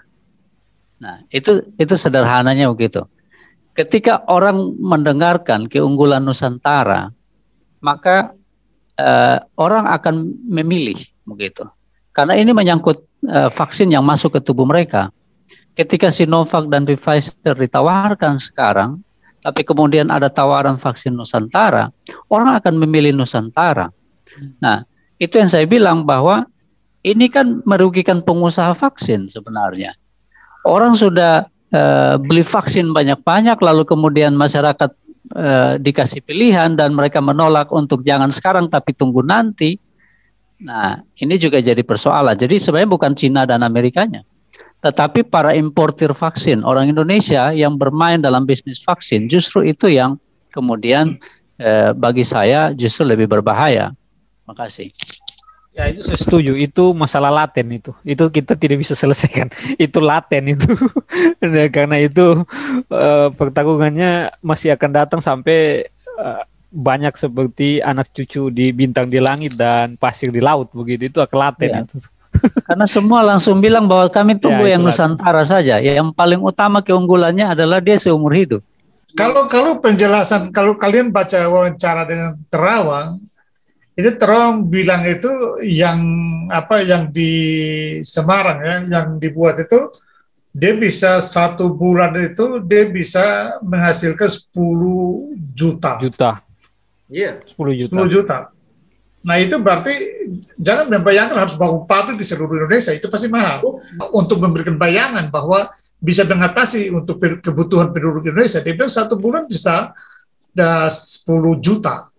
Nah kalau 10, 10 juta satu tahun ini sudah 120 juta.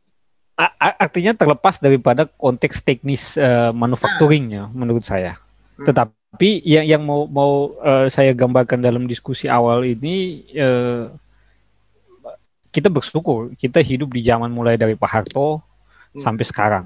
Dan kita bersyukur dari zaman Pak Jokowi kita berhadapan dengan pandemi yang dahsyat ini menurut saya kita tidak goyah sama sekali. Artinya dalam kondisi negara-negara lain berlomba-lomba itu kita masih bisa menekan uh, laju angka kematian dibanding negara-negara lain begitu. Artinya berdasarkan data dan sebagainya itu bisa kita sama-sama adu bahwa uh, dalam data saya apa data um, COVID internasional itu kita lebih rendah dibanding China, uh, maaf dibanding India ataupun uh, Amerika pada posisi saat ini bahkan uh, kontestasi maaf misalnya kontestasi yang meninggal itu uh, kita di bawah dari rata-rata dan ekonomi kita juga masih tumbuh meskipun melambat atau masuk dalam kategori minus. Tetapi itu terjadi. Jadi saya bersyukur masih hidup dan bisa melihat kondisi negara kita dari zaman Pak Harto sampai Pak Jokowi ini. Karena tidak apabila pemimpinnya bukan Pak Jokowi ah mungkin pendekatannya akan berbeda. Dan kita mungkin juga akan terseok-seok untuk menghadapi problem ini dan akan banyak yang disalahkan. Maka disintegrasi itu bisa terwujud. Tapi dengan begini siapa yang mau disintegrasi dia juga malu sendiri. Uh, bayangannya gini uh, kalau terkait dengan pengembangan teknologi kita sepakat kita butuh teknologi dan dengan adanya COVID laboratorium bioteknologi untuk meneliti uh, apa sebaran COVID ada dan pada akhirnya banyak orang yang mau belajar bioteknologi. Gitu. Padahal sebelumnya bioteknologi itu bukan menjadi sebuah bidang yang diminati. Tapi sejak adanya COVID, kita sudah terbiasa dengan ngomong genom, terbiasa ngomong bioteknologi, terbiasa ngomong DNA, RNA dan lain-lain.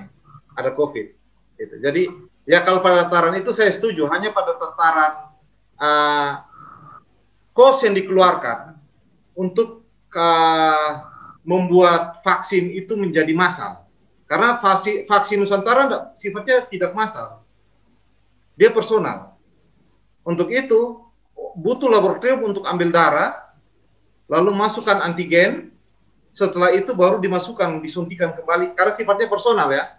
Jadi ini bukan sifatnya massal. Jadi bukan karena nanti kita bayangkan bukan karena nanti undip sudah terbitkan lalu dia bisa buat untuk semua orang, tidak bisa dia sifatnya tetap personal. Itu. Jadi tetap harus ada proses pengembangan pengambilan sel, disuntikan antigen, lalu sel sel yang diambil dari satu orang itu dikembalikan ke orang itu. Jadi bukan hasil penelitian satu orang dibuat untuk semua orang. Nah ini akhirnya biaya biaya laboratoriumnya itu yang mahal di situ. Jadi uh, karena dia tidak masal, dia sifatnya tidak masal tapi personal. Nah ini yang mungkin epidemiolog protes gara-gara itu. Walaupun tapi justru karena itu tingkat justru, efikasinya tinggi. Halo? Ya, tingkat efisiensinya tinggi, tapi yang mungkin diprotes efikasi, efikasi, tingkat efikasi, tingkat ketepatannya. Ya. Tapi ha. karena mahal laboratoriumnya itu, bos. Jadi personal itu. Om Eci akan tambahkan pemilihan uh, Pak Budi Gunadi sebagai Menteri Kesehatan dengan latar belakang ekon uh, bankir itu kan uh, mau dibilang sederhananya masalah harga kita akan hitung-hitung lah bisa kita kasih rendah bisa ini artinya pemilihan Pak Budi Gunadi itu strategi presiden untuk bahwa kita masuk dalam fase hitung-hitung uang sekarang. Sudah tidak lagi uh, apa tidak lagi dalam proses uh, mengawal uh, kesehatan secara keseluruhan saja. Dan proses Pak Terawan itu yang tadi Om Wiki sebutkan uh, tidak lama menurut saya justru efektif karena beliau diminta untuk mengawal ini dengan baik begitu. Dan masanya sudah selesai saat ini kita harus hitung-hitung uang untuk uh, kesehatan ya bukan beliau lagi yang duduk di situ. Jadi kalau masalah harga end user itu nanti Pak Budi bisa hitung-hitung lah sebagai Menteri Kesehatan bisa nanti dibawa Kalau daripada hitungnya Chris begini karena dia lebih tahan lama ada kemungkinan jangka pendek tidak untuk satu tahun ini. Mungkin kita masih ya, pakai Sinovac dan Pfizer. Betul betul. Tapi tahun depan Nusantara karena memang dia lebih lama uh, daya tahan terhadap penyakit yang COVID gitu. Jadi betul. segera mungkin kita harus masih bergantung dengan Sinovac dan uh, Pfizer karena mereka yang diterbitkan apa untuk masal ya itu. Tapi kalau untuk jangka panjang ya dan sekarang vaksin merah putih itu sudah beralih ke pencarian obat terhadap COVID-19. Jadi ya betul. Itu betul. tidak lagi sekarang ngomong tentang vaksin, tapi ngomong tentang betul. obat terhadap COVID. Gitu. Nah, kembali ke persoalan sebenarnya ini ada dua persoalan yang jawab. Apakah persoalan bisnis ataukah yang tadi Eci katakan otoritas kebenaran? Tadi Pak Pendeta mengatakan ini masalah bisnis vaksin. Nah, tapi Eci mengatakan enggak, ini masalah otoritas kebenaran. Siapa yang pemegang otoritas itu? Masalah sebenarnya di mana? Apakah ini masalah Indonesia mau potong bisnisnya Sinovac dan Pfizer? Ataukah masalah pada tataran uh, sebelum itu kita ya komentar yang pertama soal Ricky itu menurut saya uh, kos karena harganya murah itu kan itu akumulasi dari manufaktur lab dan uh, plus operasional lalu keluarlah harga itu. Jadi saya kira dia murah bukan karena harga operasional. Uh, tentu orang sudah menghitung harga lab kombinasi operasional sumber daya manusia lalu keluarnya itu. Sehingga saya berasumsi bahwa uh, tidak mungkin mahal laboratoriumnya. Itu satu. Karena memang kalau kita baca salah satu yang diprotes oleh epidemiologi misalnya mereka ini kan agak anomali sebenarnya. Jadi mereka merasa bahwa tes uh, vaksin vaksin Nusantara ini adalah vaksin upaya vaksin yang kompleks, tetapi kok penggunaan teknologinya sangat sederhana, kesan itu kuat. Jadi uh, vaksin ini kan mereka selalu ada kalau dengar di berita itu kan selalu mengatakan bahwa vaksin ini vaksin yang kompleks, tetapi penggunaan teknologinya sangat sederhana. Jadi uh, saya membayangkan di kepala para peneliti vaksin itu kan untuk membuat vaksin itu teknologinya harus yang agak high teknologi dan bla bla bla. Tapi ternyata yang dimunculkan uh, oleh vaksin Nusantara dengan teknologi yang sederhana, padahal uh, sel dendri, dendritik ini sesuatu yang kompleks, tapi bisa dibuat. Nah itu yang diragukan. Tapi ternyata jadi. Jadi kalau kita pakai uh, asumsi itu bahwa ini sesuatu yang rumit tapi mereka menggunakan teknologi yang sederhana dan ternyata jadi. Itu artinya memang teknologi laboratoriumnya tidak terlalu kompleks.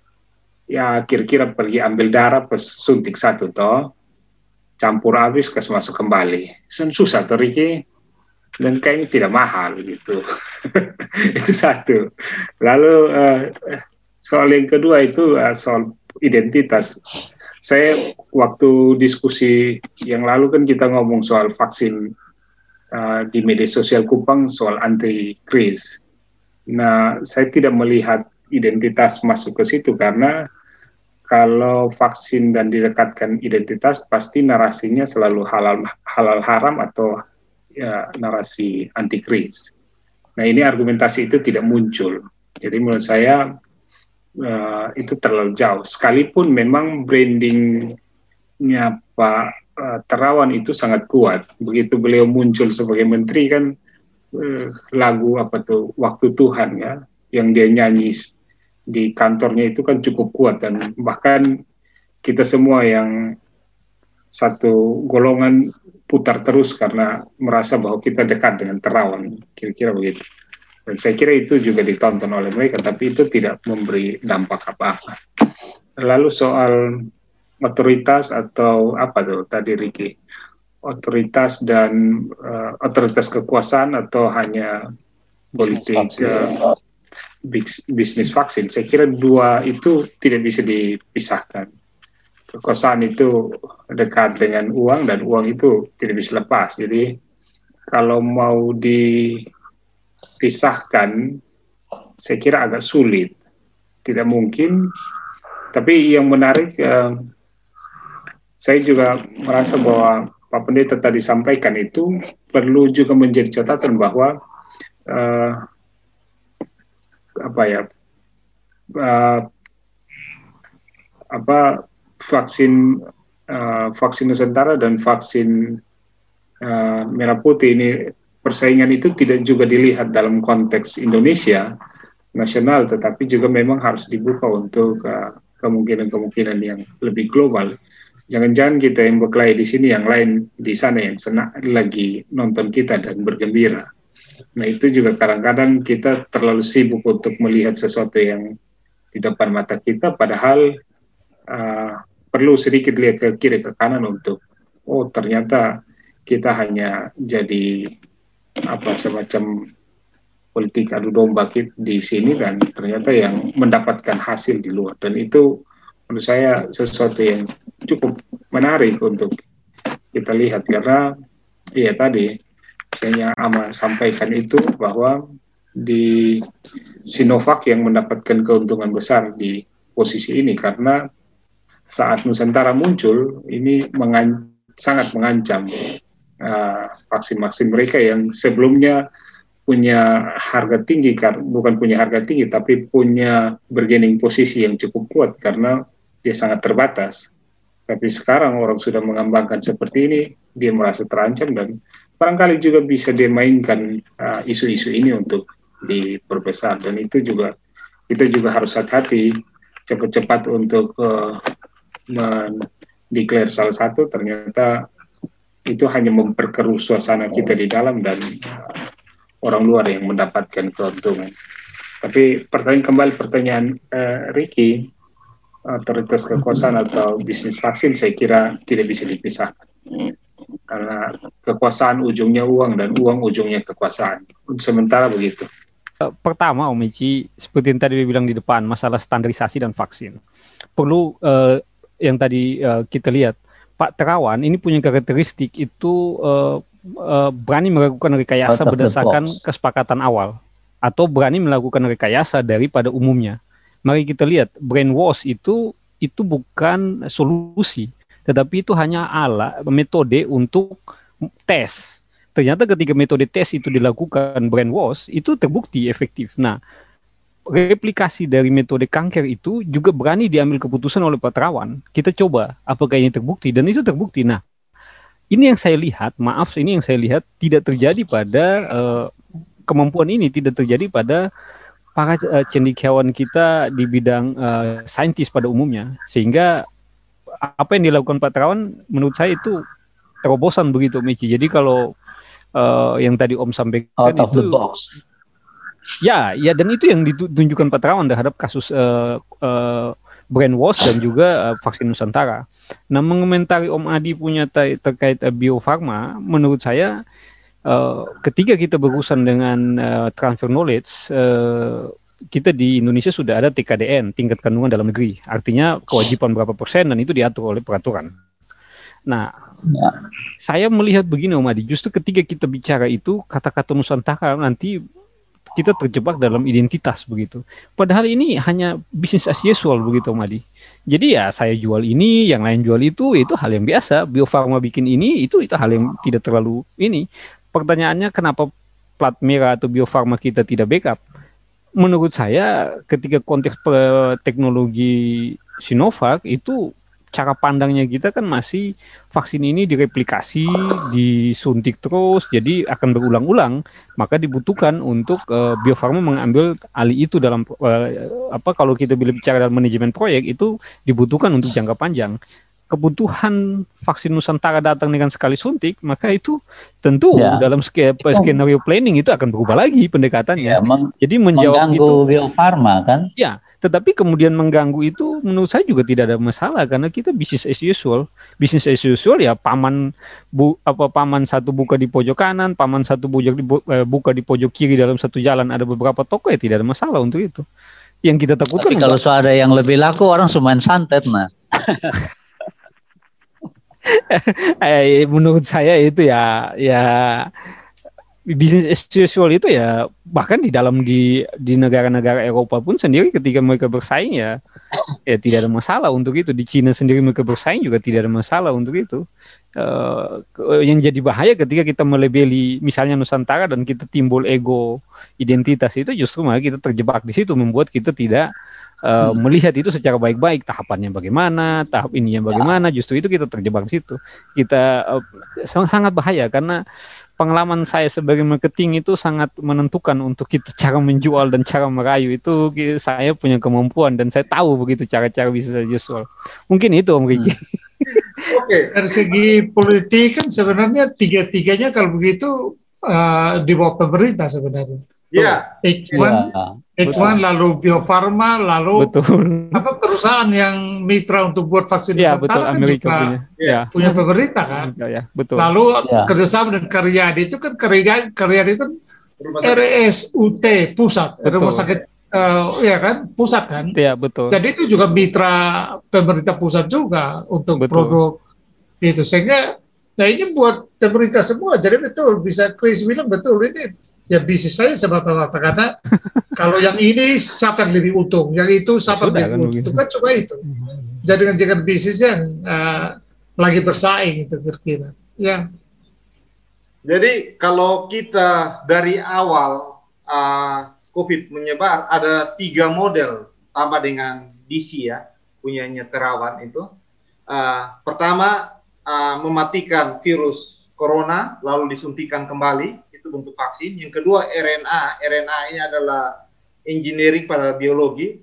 Jadi tidak mematikan virus, kita memasukkan DNA satu bentuk namanya RNA yang baru yang nanti dia akan mempengaruhi virus sehingga virus itu mati di dalam tubuh. Yang ketiga punyanya kerawan ini yang mana agak booming karena Amerika dan Jepang yang Amerika dan Jepang dan Cina yang lagi melakukan riset terhadap uh, dengan menggunakan pendekatan personal ini belum mengeluarkan hasil riset dia, hasil uji klinis dia, tapi di Indonesia uh, sudah keluar hasil uji klinis dan sekarang menuju pada uji klinis kedua.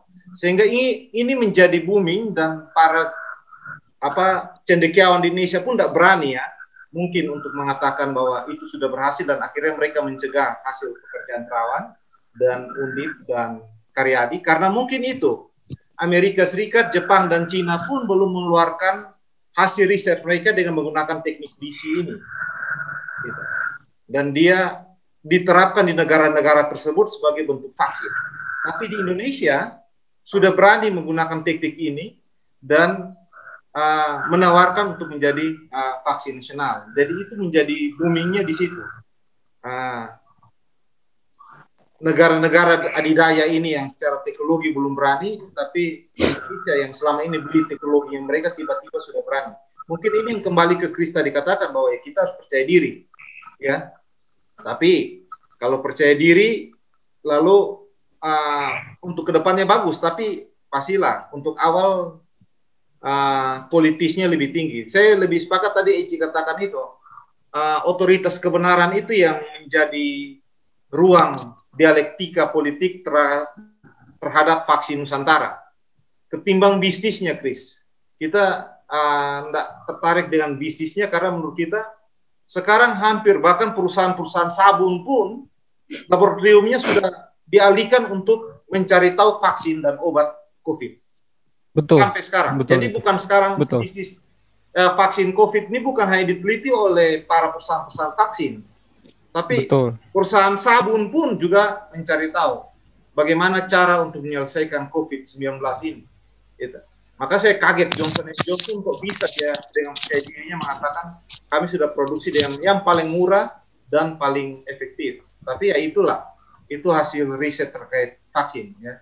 Jadi mungkin hmm. otoritas kebenaran lah yang menjadi sekarang rebutan antara ID dan Rawan. Gitu. Mungkin ya.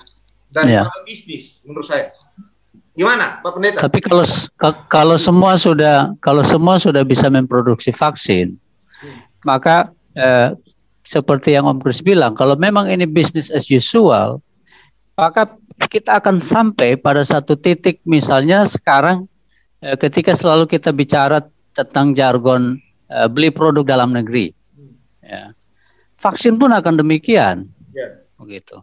Ketika pemerintah menggalakkan kita untuk belanja pakai rupiah, beli produk dalam negeri, itu produksi-produksi barang yang bisa dibuat di luar negeri tapi juga di dalam negeri sudah bisa kita buat.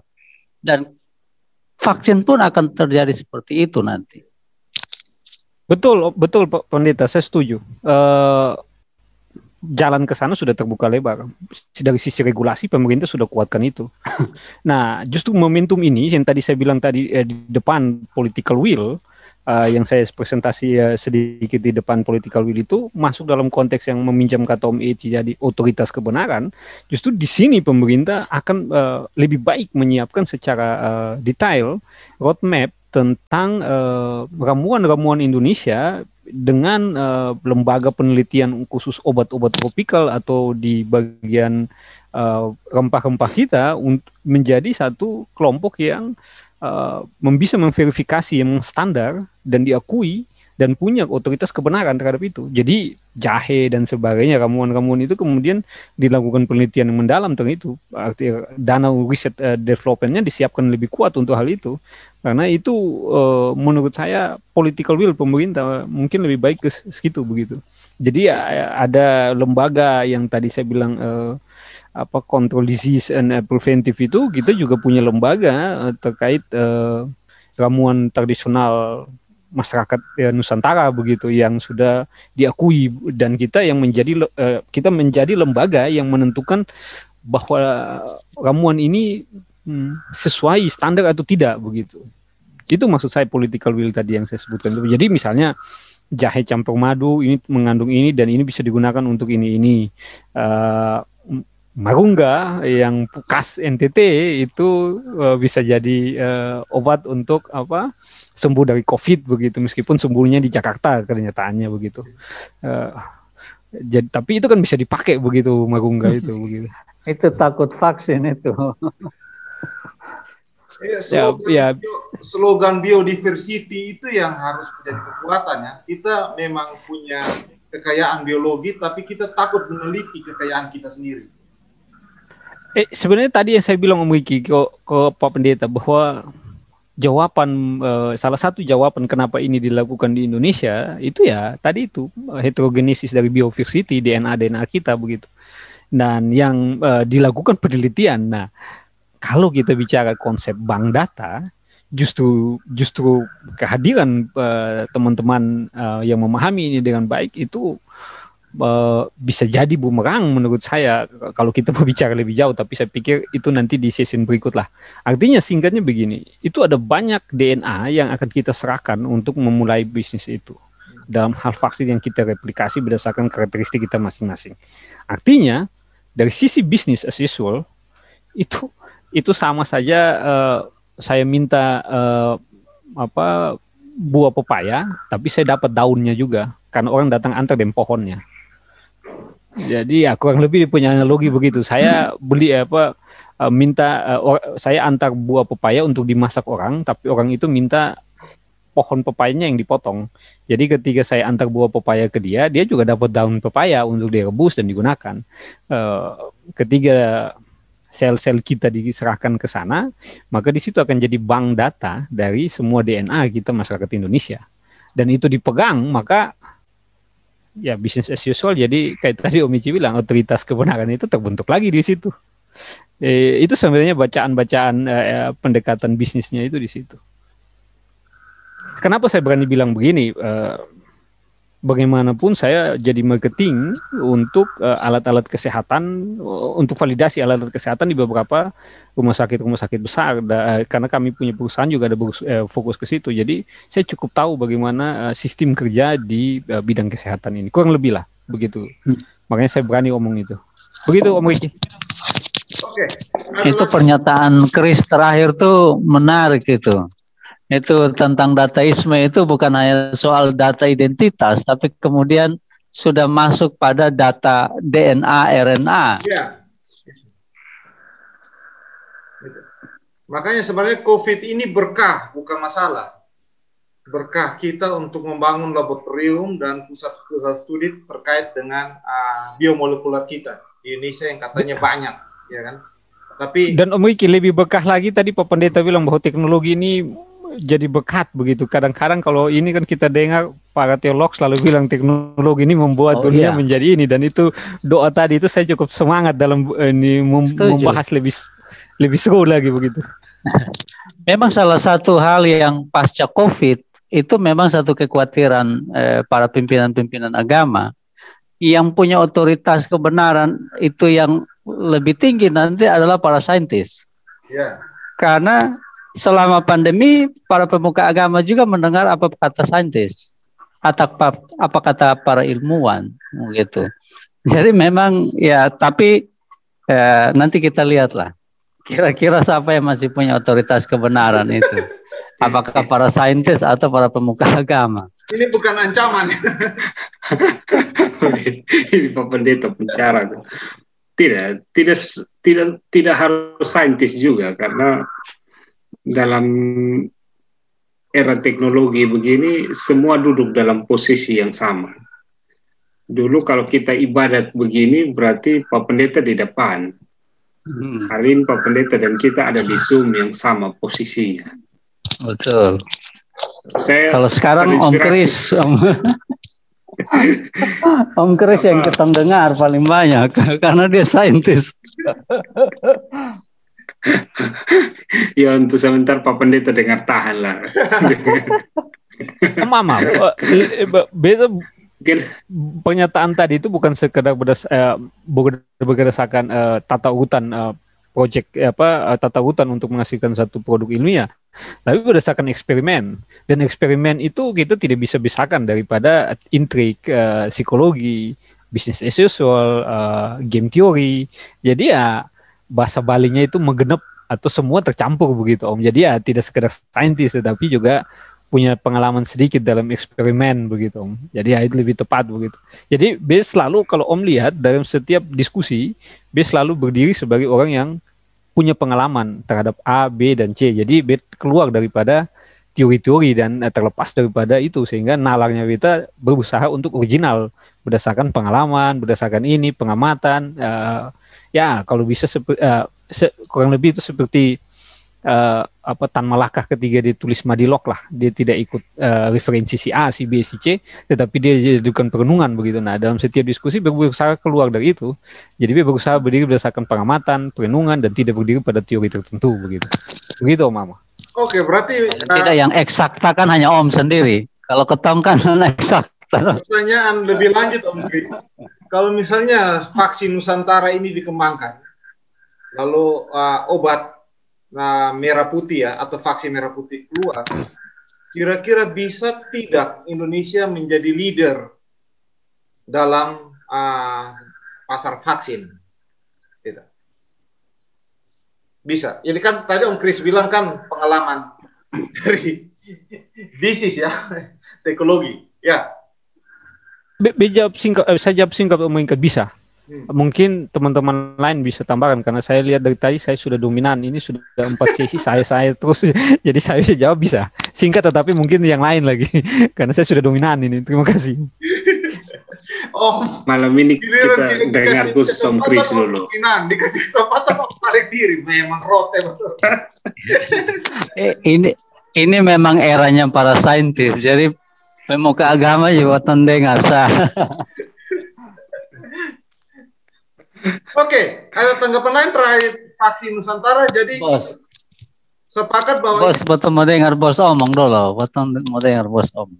bos kita nikmati pas ngomong kita kita nikmati karena kita kurang pengetahuan berkaitan barang ini hanya baca informasi permukaan saja jadi kita nikmati pas sebelum diskusi tapi prinsipnya kita sangat berharap seperti yang Ricky bilang itu apa Indonesia kemudian nanti menjadi apa pionir ya di bidang vaksin ya itu mimpi beta posisi beta selalu mungkin ultra nasionalis ya. Hmm. Jadi hmm. selalu mendukung vaksin Nusantara, vaksin merah putih. Uh. Memang tadi oh betul tadi uh, yang Pak Pendeta sing sedikit memang betul kekhawatiran teman-teman Muslim adalah vaksin yang sangat mengandung bahan-bahan yeah. haram ya. Kalau teman-teman Kristen itu lebih dari para karismatik yang mengembangkan soal anak-anak itu kan. Uh, triple six itu ya yang dianggap dimasukkan dalam vaksin. Jadi memang pasti kehadiran vaksin Nusantara maupun vaksin merah putih lebih baik ya. ditunggu kita rasa. Jadi bukan selain karena nasionalisme, tetapi juga karena di balik isu vaksin ada dua hal yang sangat bersentuhan dengan uh, apa namanya iman ya itu sangat kuat menurut beta. Terutama ya. Indonesia Timur kuat sekali itu uh, pengaruh uh, jargon anam-anam anam-anam dalam vaksin Betul. gitu ya. Betul. Jadi prinsipnya kota kita setuju dengan vaksin. Kita terlepas dari isu itu yang anam-anam atau terlepas dari itu, tapi begitu mendengar vaksin Nusantara maupun merah putih, beta dukung sekali itu. Ya itu saja, beta ke sana ada komentar lebih dari itu. Oke. Okay. Oh, beta sedikit ya. Meci. Beta sedikit ya. ya. Silakan. Iya, itu pikir pertanyaan menarik itu. Jadi kita punya optimisme yang kuat, tetapi memang tantangannya terlalu besar. Soal um, kalau in, data vaksin Nusantara ini dilakukan, itu kan konsekuensi lanjutan semacam hidden kurikulum lah kira-kira begitu terhadap uh, data ya, semacam gen yang kita punya itu kan dia menjadi data global dan saya kira itu menjadi tantangan tersendiri karena misalnya uh, kalau kita ingat waktu pengembangan uh, vaksin awal itu kan Bill Gates salah satu yang dituduh sebagai uh, orang yang akan berkontribusi untuk uh, vaksin dan diduga ada semacam uh, agenda sendiri untuk mengumpulkan data seluruh dunia lalu uh, itu bisa menjadi satu pegangan data sendiri yang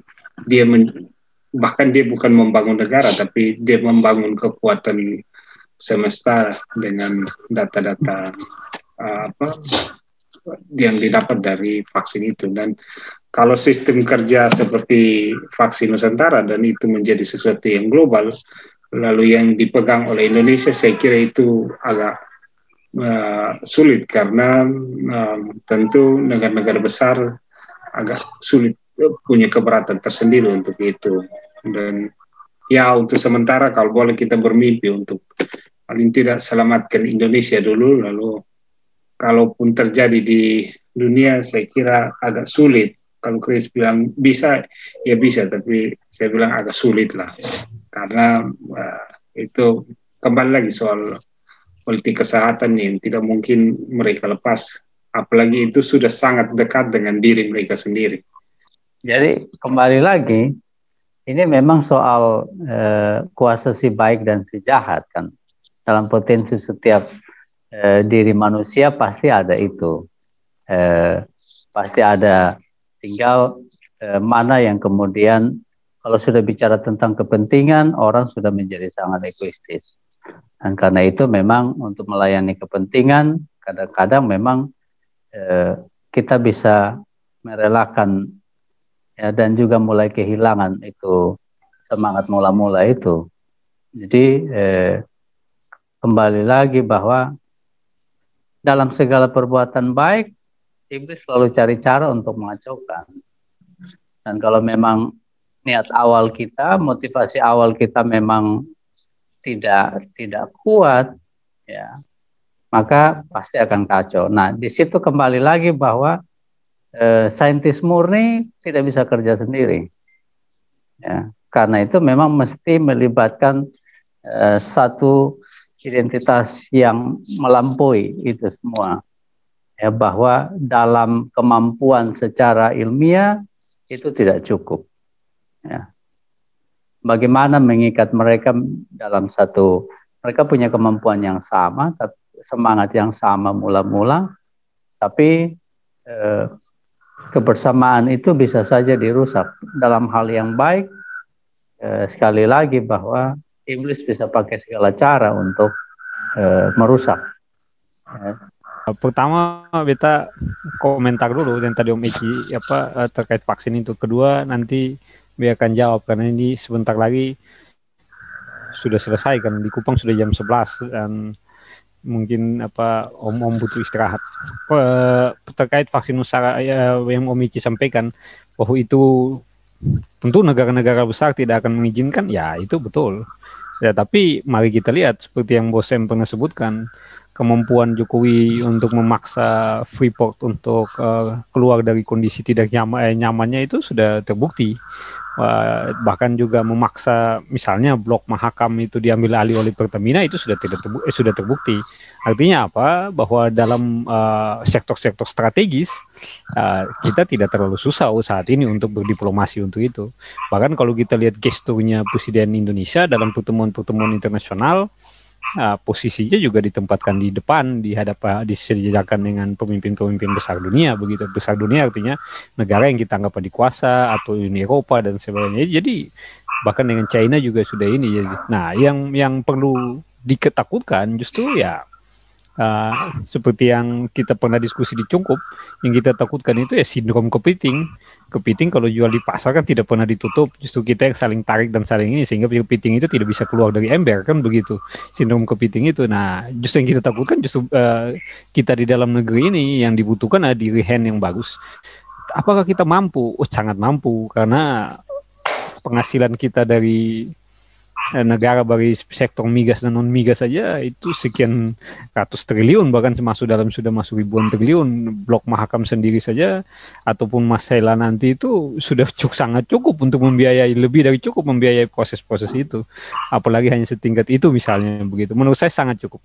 Nah yang ditakutkan itu adalah yang yang seperti Om Adi sebutkan justru kita jual kembali punya kita. Nah itu yang ditakutkan jadi itu saya bilang tadi itu bahaya laten karena ya itu sampai kapan pun ada.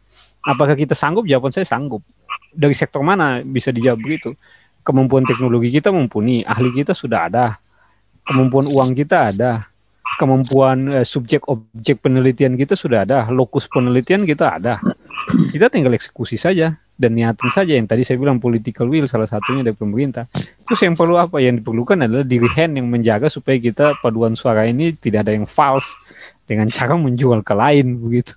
Cuman itu menurut saya. Kalau negara-negara lain mereka saat ini dalam uh, posisi tawar Indonesia menurut saya jauh di atas uh, uh, negara-negara Asia Tenggara pada umumnya saat ini. Meskipun misalnya informasi terakhir beberapa Eh, perusahaan-perusahaan dunia membatalkan investasi di Indonesia tapi sangat tidak ini karena sangat tidak apa uh, tidak mengganggu karena prospek bisnis ke depan dalam bidang energi dan sebagainya Indonesia masih sangat menjanjikan sehingga kalau kita subsidi itu pun sangat mampu. Nah terkait memiliki jawaban apakah dalam hitungan uh, bencana itu selalu ada apa hitungan ekonomi? Uh, saya melihat itu sebagai pemicu untuk semua uh, bangkit gitu. Mari kita lihat peristiwa bom atom ketika terjadi di Jepang, besoknya itu kelompok yakuza itu langsung membuka apa apa barang dagangannya untuk berbisnis begitu. Setelah peristiwa bom itu. Dan apakah kemudian kita mau bilang uh, kelompok Yakuza waktu itu sebagai kelompok bisnis ya, bukan kelompok yang lain. Sebelum bisnis itu mengambil air keruh dalam kehidupan itu menurut saya juga tidak. Tetapi pada saat itu membuat akhirnya kita terpacu untuk uh, apa berusaha untuk membangkitkan diri kita masing-masing.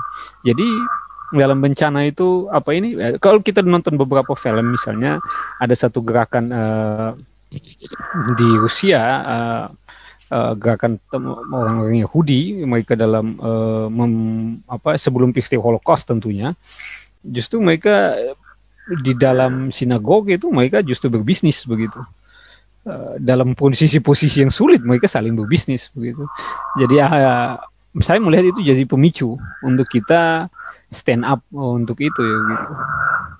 Begitu Miki. Perlu ya, ya. Ada, ada. Mengganggu menurut saya tidak gitu dia memicu. Dan uh, justru itu menjadi seru karena menjadi seru artinya mewarnai hidup menjadi lebih membuat kita tidur tidak terlalu nyenyak supaya kita berpikir begitu otak kita bisa dipakai